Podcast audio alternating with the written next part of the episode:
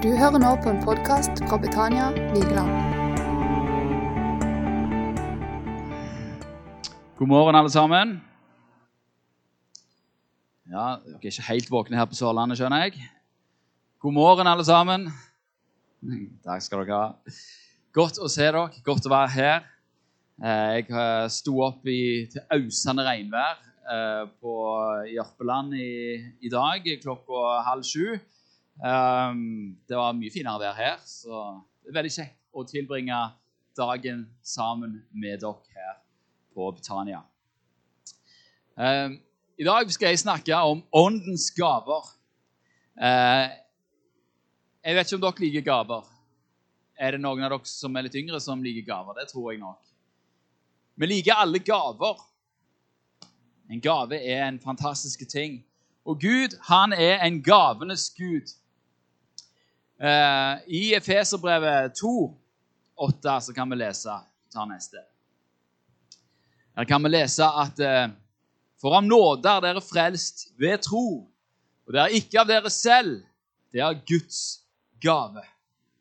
Vi har fått frelsen som gave ved tro. Eh, I eh, apostlenes gjerninger Skal vi se mm, OK. Vi Gå litt tilbake. Ja, ok. Da ser det ut som det ikke kom med på, på min powerpoint. Det var litt dumt. Men, men.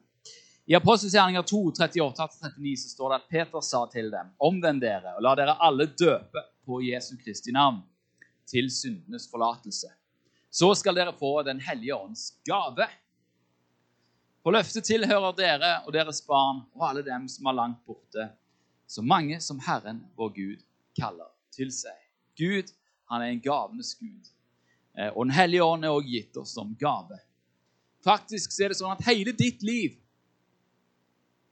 hele troen din, hele frelsesverket og Den hellige ånd er en gave fra Gud.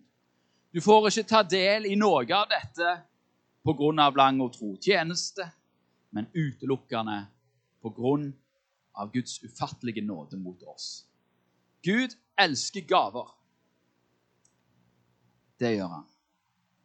Og han elsker å gi Den hellige ånd, som er en gave i seg sjøl.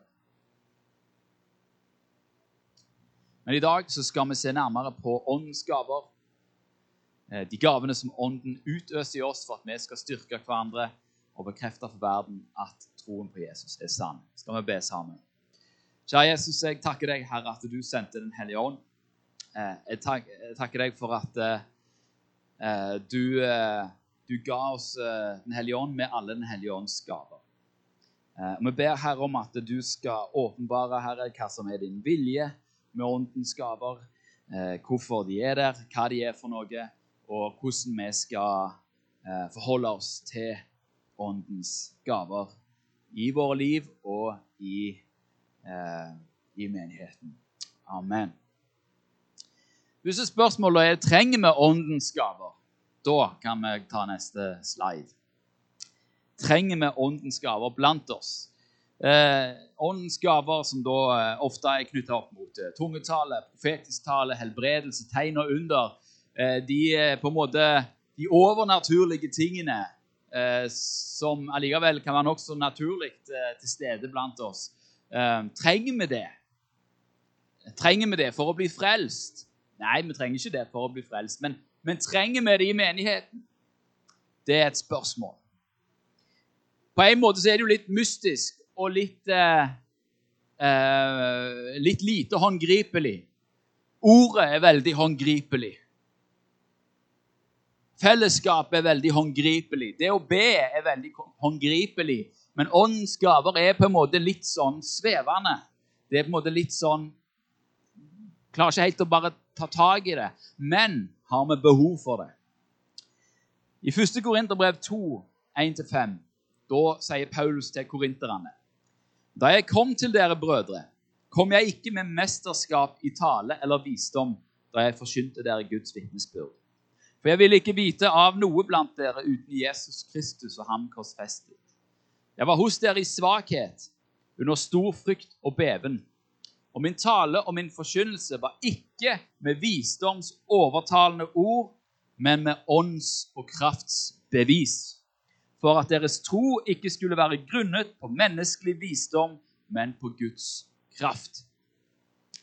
Her står det da altså at eh, Paulus, når han kom, kom ikke med menneskelige visdom. Det var ikke hans, hans eh, overtalelsesgaver som var grunnen til at korinterne tok imot. Nei, han kom med ånds- og kraftsbevis.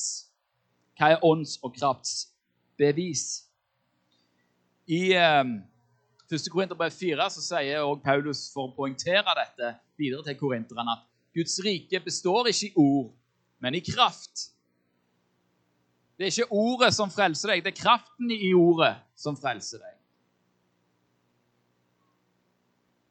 Det er Derfor må jeg si at Bibelen er en levende bok. Den lever. Det er kraft i den. Det er ikke bare ei bok, det er ikke bare en historie, det er ikke bare en fortelling. Det er kraft. Det er levende. I Markus 16, 20, da kan vi ta neste, så kan vi lese at eh, Det siste som står i Markus' evangelium, så står det at de gikk ut og forkynte overalt. Og Herren virket med og stadfestet ordet ved tegnene som fulgte med. Så det ser da ut til at i den første tida, i den første menigheten, så når man forkynte ordet, så ba man samtidig for syke. Man eh, kom med profetiske ord. Man brukte nådegavene for å stadfeste, dvs. Si bevise, at dette her er ikke tull og vas. Dette her er ikke smarte historier som vi har funnet på. Dette er ånds- og kraftsbevis. Gud sjøl stadfester sitt ord.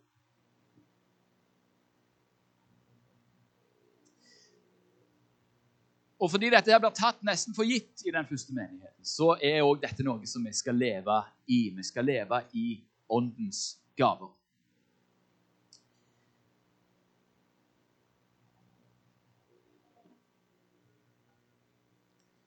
Etter å ha oppfordra oss til å be, så sier Jesus følgende i Matteus 7, 9-11.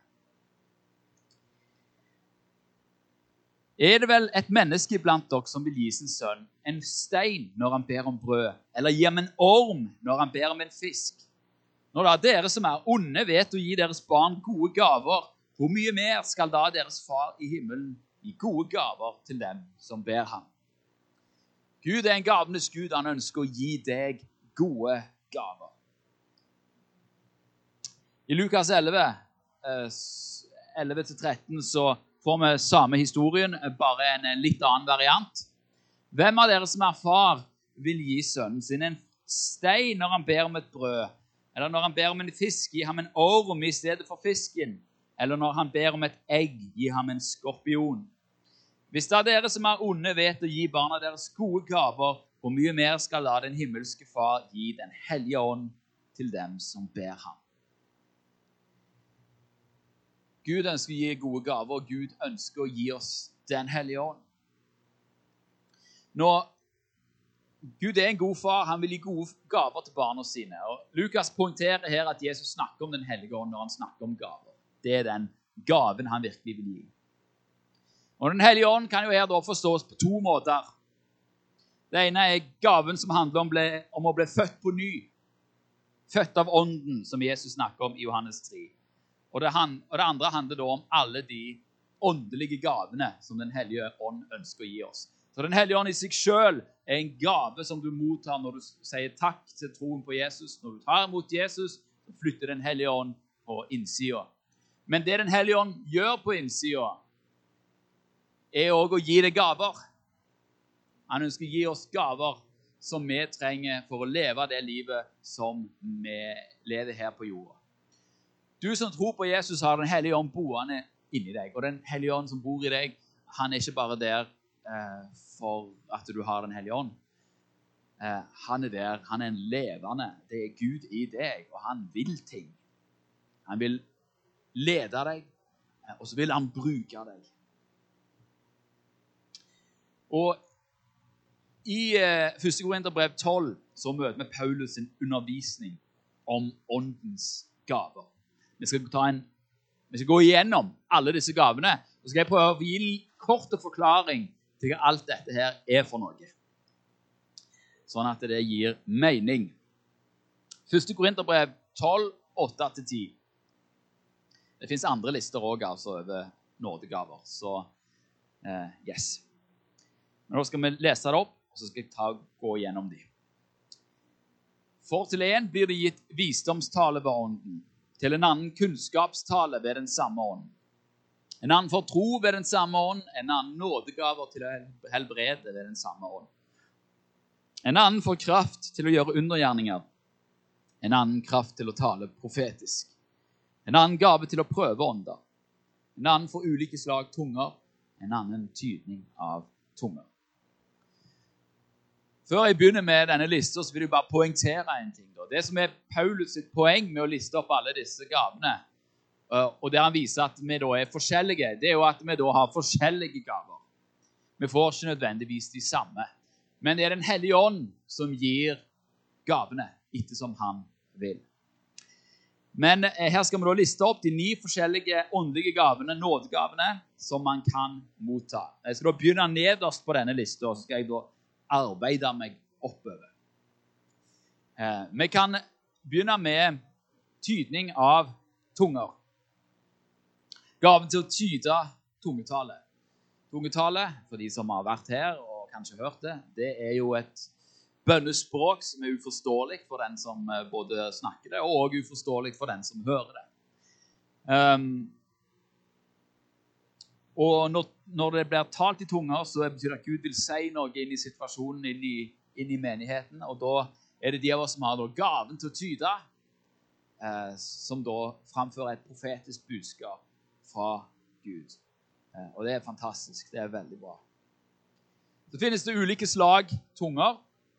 Eh, tre typer, egentlig. Tre typer tungetale. Man har personlige tungetale, som er et eh, som er et eh, privat bønnespråk. Eh, jeg snakker mye i tungetaler i dusjen. Eh, det er en god plass.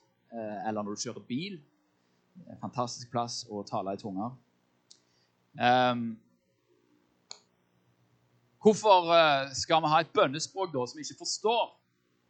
Hva er hensikten med det? Er det nyttig? Ja, det er veldig nyttig når du ikke vet hva du skal be om. Du bare merker at du trenger Gud, og så vet du ikke helt hvordan du skal be, eller hva du skal komme inn i. Og så bare slår du over på tungetallet. Og så kan du stå der og be i tungetallet inntil du merker at Den hellige ånd er der. Um, og Av og til så blir du òg Hvis du blir møtt av Gud og må bli møtt av hans kraft, så vet du heller ikke hva du skal lovprise han med. Og Da kan det òg være fantastisk bare slå over i tungetale. Tungetale er Guds Det er Den hellige ånds bønn i deg. Da ber Den hellige ånd gjennom deg. Så har man det som kalles for offentlig tungetale, som da er i menighetssammenheng. Eh, hvis det er noen som kjenner at Gud har et budskap, framfører de det i tunger. Det skal da tydes. Så Det betyr at den som taler i tunger, må vite at det er noen som kan tyde, som, som sitter i samlingen. Ellers så må man la det være. Um, og så har du den tredje formen der man da faktisk da taler et annet jordisk språk som man egentlig ikke kan. Uh, det fins òg eksempler på, som òg skjedde med apostlene på første pinsedag. Så har vi det som kalles for gave til å prøve ånder. Det er ikke så mye brukt uh, i vår tid. Uh, det kommer nok til å bli mer av det, siden det er stadig flere som virre seg inn i det okkulte. Uh, New Age og forskjellige sånne ting gjør at man kommer i kontakt med andre åndsmakter som ikke er gode. Uh, så det Gave til å prøve ånder handler om å identifisere underåndsmakter og kraften til å drive dem ut. Som kalles for eksorsisme. Uh, det kunne gjort en hel tale bare på det, tror jeg. Så har du kraft til å tale profetisk. Profetisk tale handler om å få et budskap fra Gud, enten i ord eller bilder, som man da formidler til menigheten eller enkeltpersoner. Gud kan åpenbare hemmeligheter i menneskers hjerter, eller man kan få vite noe om framtida, enten for menigheten eller for, for pers, om en person. Um, så har man kraft til å gjøre undergjerninger. Undera her innbefatter alle undra som ikke har med helbredelse å gjøre, for det er på en måte spesifisert siden. Så det vil si eh, Når Paulus blir bitt av slangen uten å få men av det, så er det et under. Eh, når eh, Jesus gjør vann til vin, når han går på vannet, brødunderet Dette er eksempler på, på under.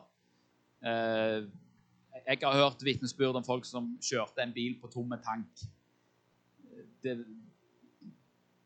man kjørte flere kilometer. Det, det sto at det var tomt på tanken Det var ikke bensin igjen, men man kjørte likevel. Altså, eh, fordi man trengte et eller annet. Så, så det er sånne under som ja, det, det, gir ikke mening i, i, eh, ja, i, i eh, det jordiske. Eh, og så har du nådegaver til helbrede. Det vil si å enten legge hendene på eller eh, be om helbredelse, som da skjer. Um, og så har man da tro, som det blir nevnt her. Det vil si da ekstraordinær tro og tillit til Gud i umulige situasjoner. Så har vi det som kalles for kunnskapstale. Eh, dette er det punktet som jeg eh, eh, Som kanskje er Både kunnskapstale og visdomstale det er sånne to begrep som blir forstått litt ulikt. Og her skal jeg komme med en tolkning av det. Hva betyr egentlig da kunnskapstale? Eller kunnskapsord? I eh, litt sånn pinsekarismatiske sammenhenger som dette her er, så har vi ofte brukt begrepet kunnskapsord til å referere til kunnskap som jeg får av Gud, som jeg ikke kan vite på forhånd. Vi har forstått verset på den måten at det handler om en bestemt type åpenbaring fra Gud. At man får kunnskap om noe som man ikke kan vite. Og Jeg tror jo at sånne åpenbaringer finner sted. Eh, og jeg har sjøl fått sånne ord. Eh, men jeg tror ikke at det er det Paulus snakker om når han sier kunnskapstale eller kunnskapsord. Eh, det vi mener når vi da sier å, har du fått et kunnskapsord eller ikke har fått et ord, det er i virkeligheten profetiske ord. Det er profeti. Alt som handler om bilder, ord, budskap som Den hellige ånd formidler inn i en situasjon, det er profeti. Kunnskapstale, eller ord, tror jeg ganske helt enkelt betyr evnen til å formidle kunnskapen og kjennskapen til Gud og hans evangelium. Det er faktisk en nådegave. Altså det som jeg gjør akkurat nå, det er en nådegave. Grunnen til at dette forstås så forskjellig, ligger i hvordan man skal forstå gresk. Eh, så jeg beklager det blir litt gresk her. På originalteksten så møter vi nemlig ordet 'logos gnosios'. Gnosios betyr kunnskap, men ordet 'logos' er ekstremt rikt. Det har veldig mange betydninger og derfor veldig vanskelig å oversette. Logos kan bety ord, men ofte så brukes det ikke som i enkeltord, men som noe som er sagt, som en lære, som en utlegning, som et uttrykk, som en sammenfatning, som et emne. Så Det betyr at eh, når Bibelen sier at Guds ord er kommet til dere, eller snakker om livets ord, så er det logos man oversetter med ord men man skjønner ut fra sammenhengen at det ikke er snakk om enkeltord, men om hele budskapet. Er dere med på den? Det er liksom eh, når, når, de stad, når, Herren kommer og stadfester ordet, leste vi Markus, så betyr ikke det at, eh, eh at han stadfester ett ord, men budskapet. Evangeliet. Og Det er jo derfor at man da Dette er så rikt, dette ordet. Så blir det òg oversatt forskjellig i forskjellige oversettelser. Som kunnskapsord, kunnskapstale, meddele kunnskap, formidle kunnskap. Kunnskapstale blir da nådegaven til å formidle sannheten i Guds ord. ganske enkelt. Visdomstale, da, hva er det? Jo, Der møter vi akkurat samme utfordringen i forhold til det der ordet logos. En forskjell mellom kunnskap og visdom det er at kunnskap er generell sannhet, mens visdom er applisert sannhet. Det vil si generell sannhet. Jeg kan formidle hva som står i Bibelen. Men visdom er når jeg formidler noe som står i Bibelen, som passer perfekt inn i din situasjon. Det er visdomstale. Og jeg er sikker på at det er mange som har visdomstale her i menigheten. Både i innledningen og i avslutningen til denne lista over åndens gaver så blir det ettertrykkelig slått fast av Paulus at det er ånden sjøl som bestemmer hvem som skal få noen gaver. 1. Korinterbrev 12,7 sier at med åndens åpenbarelse blir gitt enhver til det som er gagnlig. Og i 1. Korinterbrev 12,11 Alt dette virker den ene og samme ånd, som deler ut til hver enkelt ettersom han vil. Altså ikke som du vil, eller som menigheten vil, eller som faren din vil, eller onkelen din vil. Som han vil. Man kan ikke kreve gaver av Gud. Er det noen som har prøvd å kreve en gave noen gang? Er det da en gave, eller er det utpressing? Gud er suveren. Han deler ut ettersom han finner for godt. Og Samtidig så sier både Paulus og Jesus at vi skal be om å få Den hellige ånd. Og be om å få åndens gaver. Det vi leser fra evangeliet om at Gud er en Gud som gir gode gaver til barna sine, det står rett etter bønneverset om at den som ber, han får. Den som leter, han finner. Så Jesus sier at vi skal be om at Gud skal gi sine gode gaver. 1. Korinterbrev 12, 31a sier 'strev etter de beste nådegavene'. Altså strev, strev, lengte, jobb mot det. Jobb for å få tak i det. Og I 1. Korinterbrev 14, 1, så står det at, sier han at 'søk med iver å få de åndelige gaver', særlig å tale profetisk. Så på en måte er jo Gud suveren over sine gaver. Og Samtidig så er nådegavene noe du kan be om. Det virker jo motsetningsfullt. Hvorfor er det sånn? Vel um, Er det noen her som har fått en gave som de ikke egentlig ville ha? Som de ikke likte? Opp med hånden. De er dere som våger å innrømme det. Det er litt flaut å innrømme at man ikke likte gaven. som man Um, Gud gir ikke en gave som du ikke vil ha. Hvis du ikke har lyst til å snakke i tunger, for det høres helt teit ut for deg, og du vil absolutt ikke gjøre det, så kommer ikke Gud til å tvinge deg. Hvis du ikke vil ha det, så vil han ikke gi deg til deg. Gud respekterer dine ønsker. Men hvis du vil ha det, så kan du få det. Og så kan det være at du sier at 'men, jeg har bedt deg om ulike gaver, og så har jeg ikke fått det'. Hvorfor svarer ikke Gud på bønnene mine? Vel, Gud er jo suveren, da. Kanskje har han tenkt å bruke deg på en annen måte enn det du har tenkt. Og Noen ganger så gir han oss ikke det vi vil ha, fordi vi ikke har det rette sinnelaget. Jakob 4, vers 3, så står det at dere ber og får ikke fordi dere ber ille for å sløse det bort i deres lyster.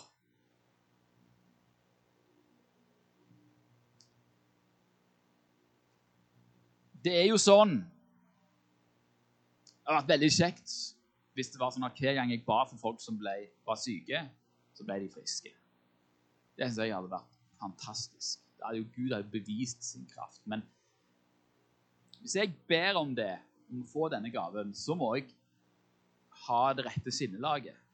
For det kan jo være da at hvis jeg hadde fått den gaven og hadde blitt litt høy på meg sjøl og trodde at det var jeg som var det var jeg som var mannen her, så hadde jeg bedt med feil sinnelag. Eller jeg ber om en nådegave for å på en måte bevise for meg sjøl at, at, Gud elsker meg. Det òg er det feil motivasjon. Så motivasjonen bak å be om nådegaver, den er viktig. Og hva er rett motivasjon, da? Rett motivasjon er Herre, jeg er ditt barn, jeg er din tjener. Bruk meg som du vil. Men jeg ser at her er det noen gaver, og jeg ønsker å få del i de gavene som du har for meg, sånn at jeg kan tjene deg sånn som du vil at jeg skal tjene. Og så er det også sånn at Noen ganger så holder Gud igjen. Han holder igjen med vilje. Jeg husker Huset var tentrolederen min. Hun fortalte om, om dette og om hvordan hun ba om å få Den hellige ånd og få, eh, få tungetale og, og, og, få del i den kraften. Og eh, hvordan hun ikke fikk det, og alle andre fikk det. Og så ba hun og ba hun, ba, og det skjedde ingenting på møtet. Og skjedde ingenting. Og så plutselig en natt så bare boom! Det var ikke noe ettermøte, det var ikke noen ting. Det var bare bam! Der kom Helga. Midt på natta. Eh, og vekket hun opp, og der eh, talte hun nye toner. Jeg tror hun verdsatte tungetalen mer. Eh, og han som da er pinse, pinsevekkelsens far eh, i, i, Norge, Thomas Paul Barrat Jeg er jo pinsevenn, så jeg eh, har lest litt om han. Eh, han søkte åndens gaver. Og han søkte ikke åndens gaver en ettermiddag eller eh, en, en, en, en, kveld eller gjennom ei uke. Nei, han hadde kommet til slutten av seg sjøl, og så hadde han hørt om at ånden hadde falt, og så hadde han ønska å ta del i dette. her. Så han var på sine knær han, i et par måneder. Der han ikke gjorde noen ting annet enn å søke å få Den hellige ånd. Hvorfor, hvorfor holdt Gud igjen så lenge? Jeg tror det var fordi at Thomas Baal de ikke skulle ta lett på Den hellige ånds gave. Det kan være at uh, når Gud uh, ønsker å gi deg gaver, så er det for at du skal når Gud gir deg gaver, så, det, eh, så vil han at du skal sette pris på det. Fordi at det er ikke eh, gaver som, som, er der for, for å eh, Det er ikke gaver som du har fått for å For at du Altså, det eh, Nå stoppa jeg litt opp. Det er ikke gaver som du har fått for din egen del. Ingen gaver, ingen åndelige gaver har du fått for din egen del. Du har fått de for andres del. Du har fått de for å bygge opp andre. Det vil kanskje bare personlig tungetale som er for egen del. Ellers er alle andre åndens gaver for at du skal hjelpe andre mennesker å se hvem Jesus er. Det er hensikten med åndens gaver. I eh, i eh, filmen av eh, den første Narnia-filmen, som da er basert på CS Lewis sine, sin prisbelønte bokserie. Vi kan ta neste slide. Så uh, møter hovedpersonene søsknene Pevensey. De møter på julenissen, som er der for å gi, det, gi, gi dem noen gaver. Og etter delt ut Dette er en sånn eventyrbok, så det er etter delt ut buer og sverd og en helbredelsesdrikk så avslutter han med å si dette er redskaper, ikke leketøy. Dette er redskaper, ikke leker. Når Gud gir gaver, så er det for en grunn, det er for en hensikt. Guds gaver er ikke leketøy, og det er heller ikke noe vi skal bruke for å opphøye oss sjøl.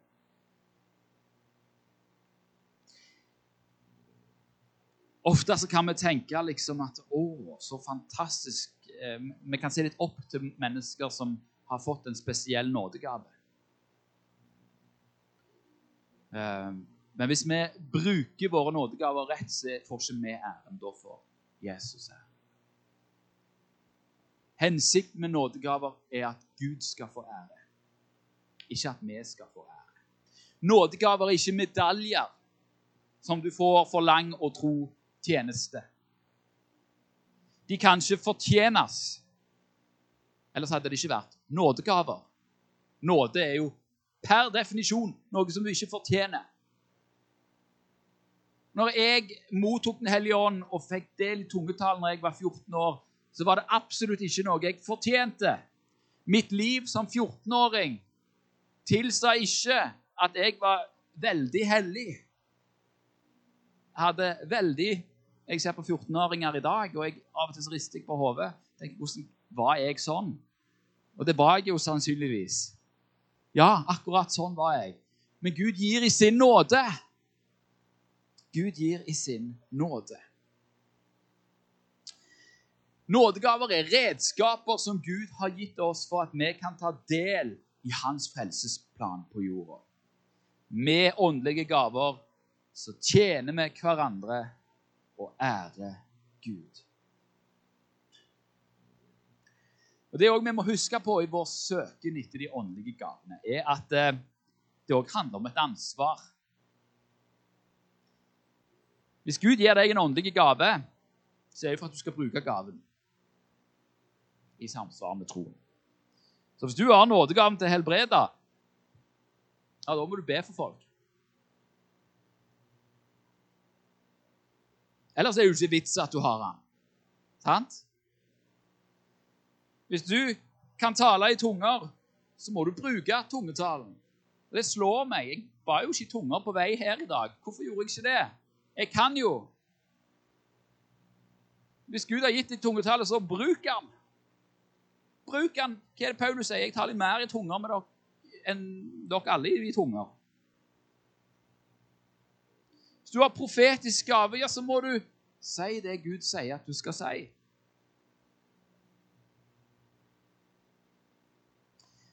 Og så er det jo også sånn at eh, spesielt dette som handler om profetisk tale, det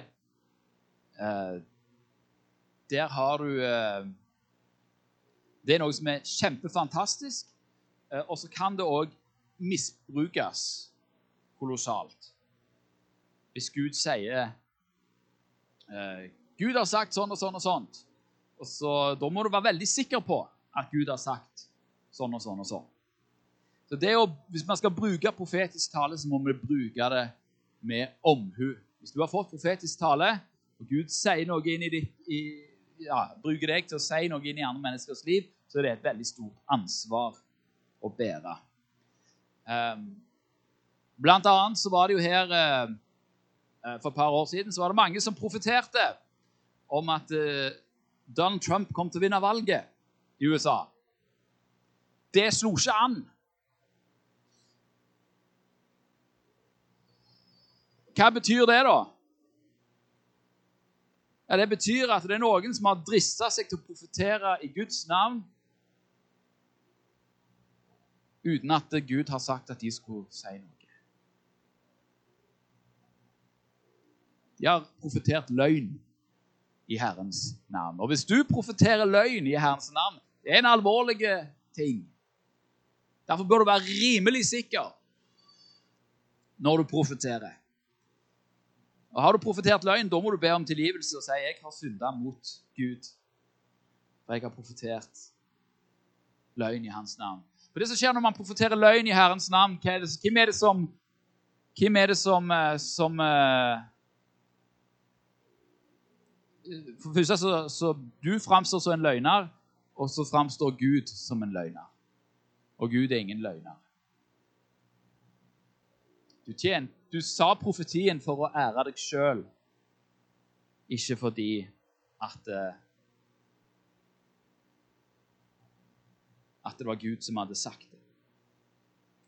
Og Det gjør jo at når, noen, når man har hørt mange sånne profetier som ikke har slått til, så kan man få den der Vet du hva? Hele den profetiske talen og alt det der Glem det. Jeg vil ikke ha noe med det å gjøre. Jeg vil, ikke, jeg vil ikke høre noen som kommer med noen profetiske ord, for det er bare tull. Det er en reaksjon som man kan få. Det er en forståelig reaksjon. Og Jeg kjenner mange som har, som har fått sår, og som har gjort feil valg fordi at noen kom med profetiske ord. Eller de har fått profetiske ord som krasjer med hverandre. Som ikke samsvarer. Da er det noen som har drista seg til å tale i Guds navn. En ting som er med det profetiske ord Hvis du skal si et profetisk ord, så ta høyde for at du kan ta feil. Selv om du er sikker. Ikke si 'så sier Herren', med mindre du er veldig sikker på at 'så sier Herren'. Det du heller kan si, er 'jeg tror at Gud har et ord'. Men du må prøve det, for jeg kan ta feil. Kan være bare meg. Jeg har fått ord som jeg fikk, og som ikke ga noen skikkelig mening, og som jeg egentlig bare har avfeid. Og Jesus han har gitt oss en, eller Paulus ga oss en liten uh, han, han, har sagt noe om dette. og Ta neste.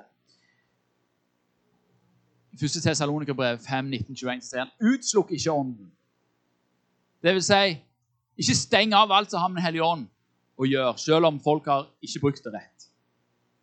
Forakt ikke profetisk tale. Ikke forakt det. Men prøv alt. Hold fast med det gode. Hold fast med det som er godt. Og det er en god, Dette er en god praksis.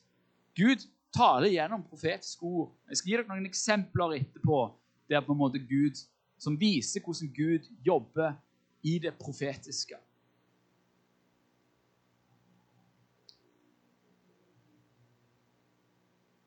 Ikke forakt det, hør på det, men prøv alt. Prøv. Stemmer dette? Fordi Hvis du blir forvirra av den profetiske talen, da er det ikke Gud. For Gud er ikke en forvirringens Gud. Hvis Gud kommer med et profetisk ord til deg, så er det enten noe du har tenkt på, eller noe du har kjent på, eller noe du er litt usikker på, og så kommer du, og så får du plutselig klarhet i det. Det er det profetiske ordets eh, natur.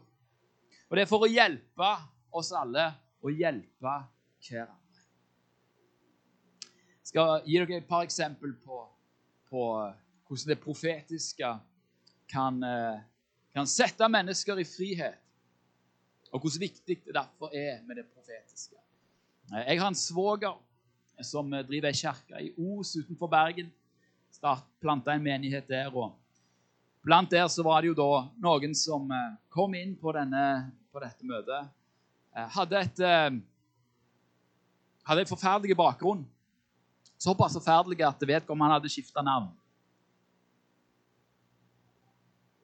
Og så er hun der første gang, eh, og så åpner de opp for at eh, Gud skal si noen ting. Og så er det ei som da får, som ikke kjenner denne dama, som da får et navn. Og det er da selvfølgelig barndoms... Det er hennes egentlige navn.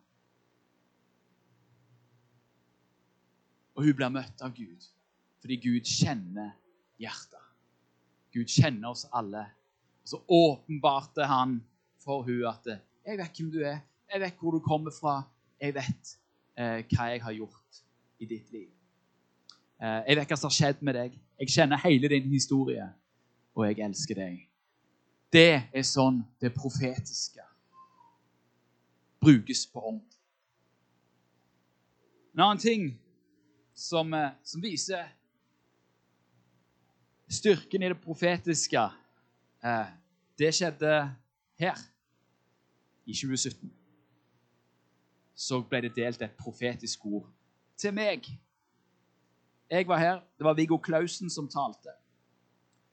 Uh, og Han hadde ikke en sånn barneandakt. Han uh, talte for oss voksne. og Det han talte om, det traff meg, så det sang etter. Og jeg var framme til forbønn. Og så sier plutselig Viggo Klausen at jeg, jeg, har et, uh, jeg opplever at jeg har et ord til deg.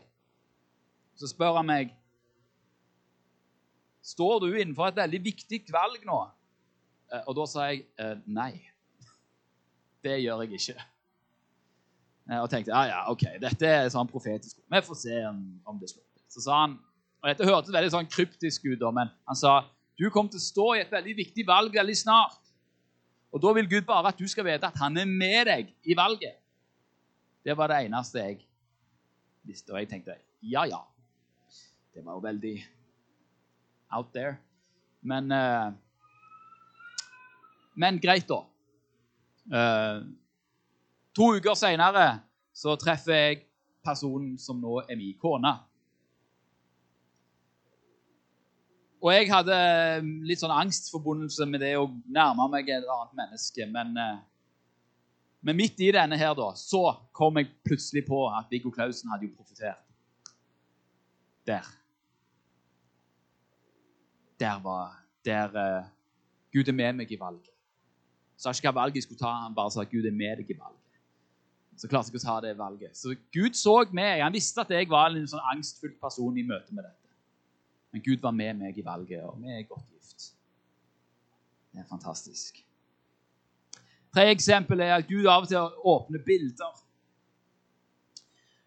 Og eh, jeg eh, Vi var på Bryne og hadde ei huskirkesamling, og vi ba for hverandre. og Så er det en, det er en som ber for meg, og så ser han Jeg ser at Gud gir deg et større sverd. Kult, tenkte jeg. Jeg liker sverd for de som kjenner meg. Men hva betyr det? Jo, jeg forsto det jo sånn at OK eh, Sverd er ordet. Gud vil gi meg en, en, et større ansvar, en større plattform, et eller annet. Så jeg begynte å forberede meg på det. Eh, og så, et halvt år etterpå, så blir jeg spurt om å bli pastor i eh, Betel Nærbø, der jeg har vært pastor et år. Og jeg flytta til Jørpeland fordi man må fylle der, der Gud sier, inn i det ukjente, som noen sa her. Eh, det er viktig å gå i tro. Men der ser du hvordan Gud bekrefter ting gjennom profetisk tale. Og Det er derfor vi trenger Den hellige ånds gaver. Derfor vi trenger Det hellige ånds gaver blant oss. Fordi vi trenger å få å være sikre på at Gud elsker oss. Vi, vi trenger en Gud som er levende. Og For Gud er levende. Jesus er levende. Jesus han er her midt iblant oss, og han taler gjennom oss, i oss, til hverandre for å hjelpe oss og bygge oss og bli kjent med Gud. Alle disse her som har profetert inn i mitt liv, ser jeg på de som de og de store profetene? Nei. Jeg ser bare Jesus, som er glad i meg, og som ønsker at jeg skal være trygg, og som gir meg hilsener det er poenget.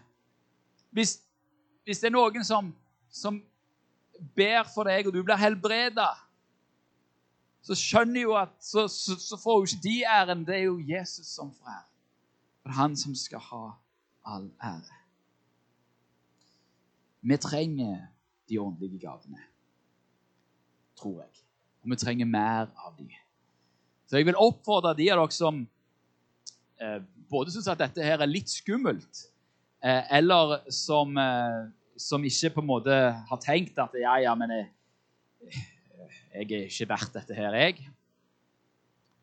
Søk de åndelige gavene. Spør Jesus, 'Herre, hva er det du vil gi meg?' Hva vil du gi meg for at jeg skal bruke videre?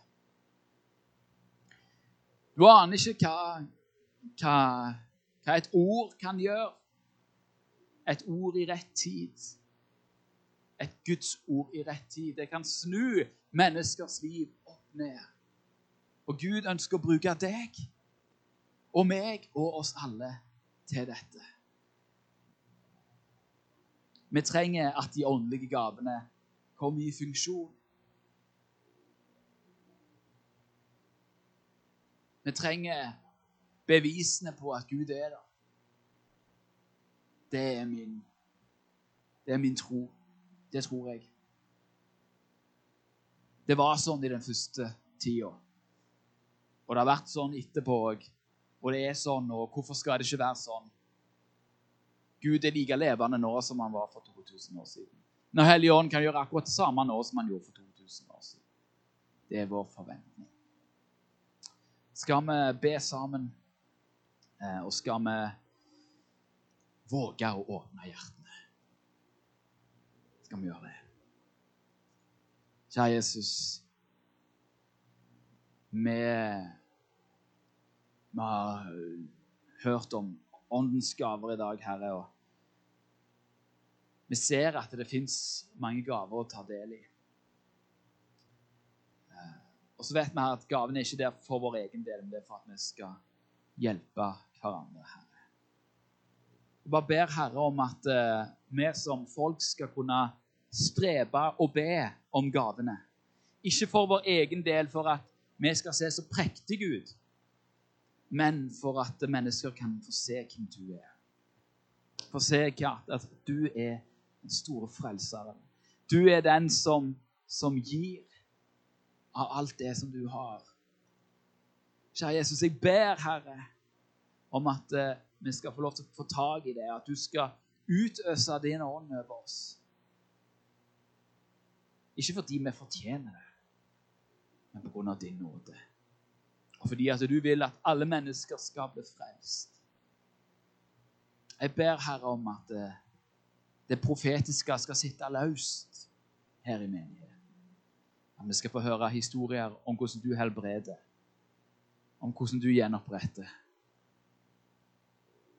Hvordan du helbreder ånd og sjel. Kjære Jesus,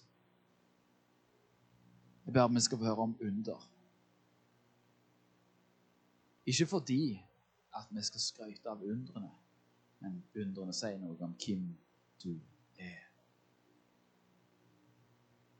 Kjære Jesus, jeg ber om at det skal løsne tungetale her i menigheten. For den enkelte og for oss alle, sånn at vi kan bli oppbygd av det. Jeg ber om at den enkelte skal få kjenne hvordan det kan være en hjelp, et redskap, i å komme nærmere deg. Kjære Jesus. Amen.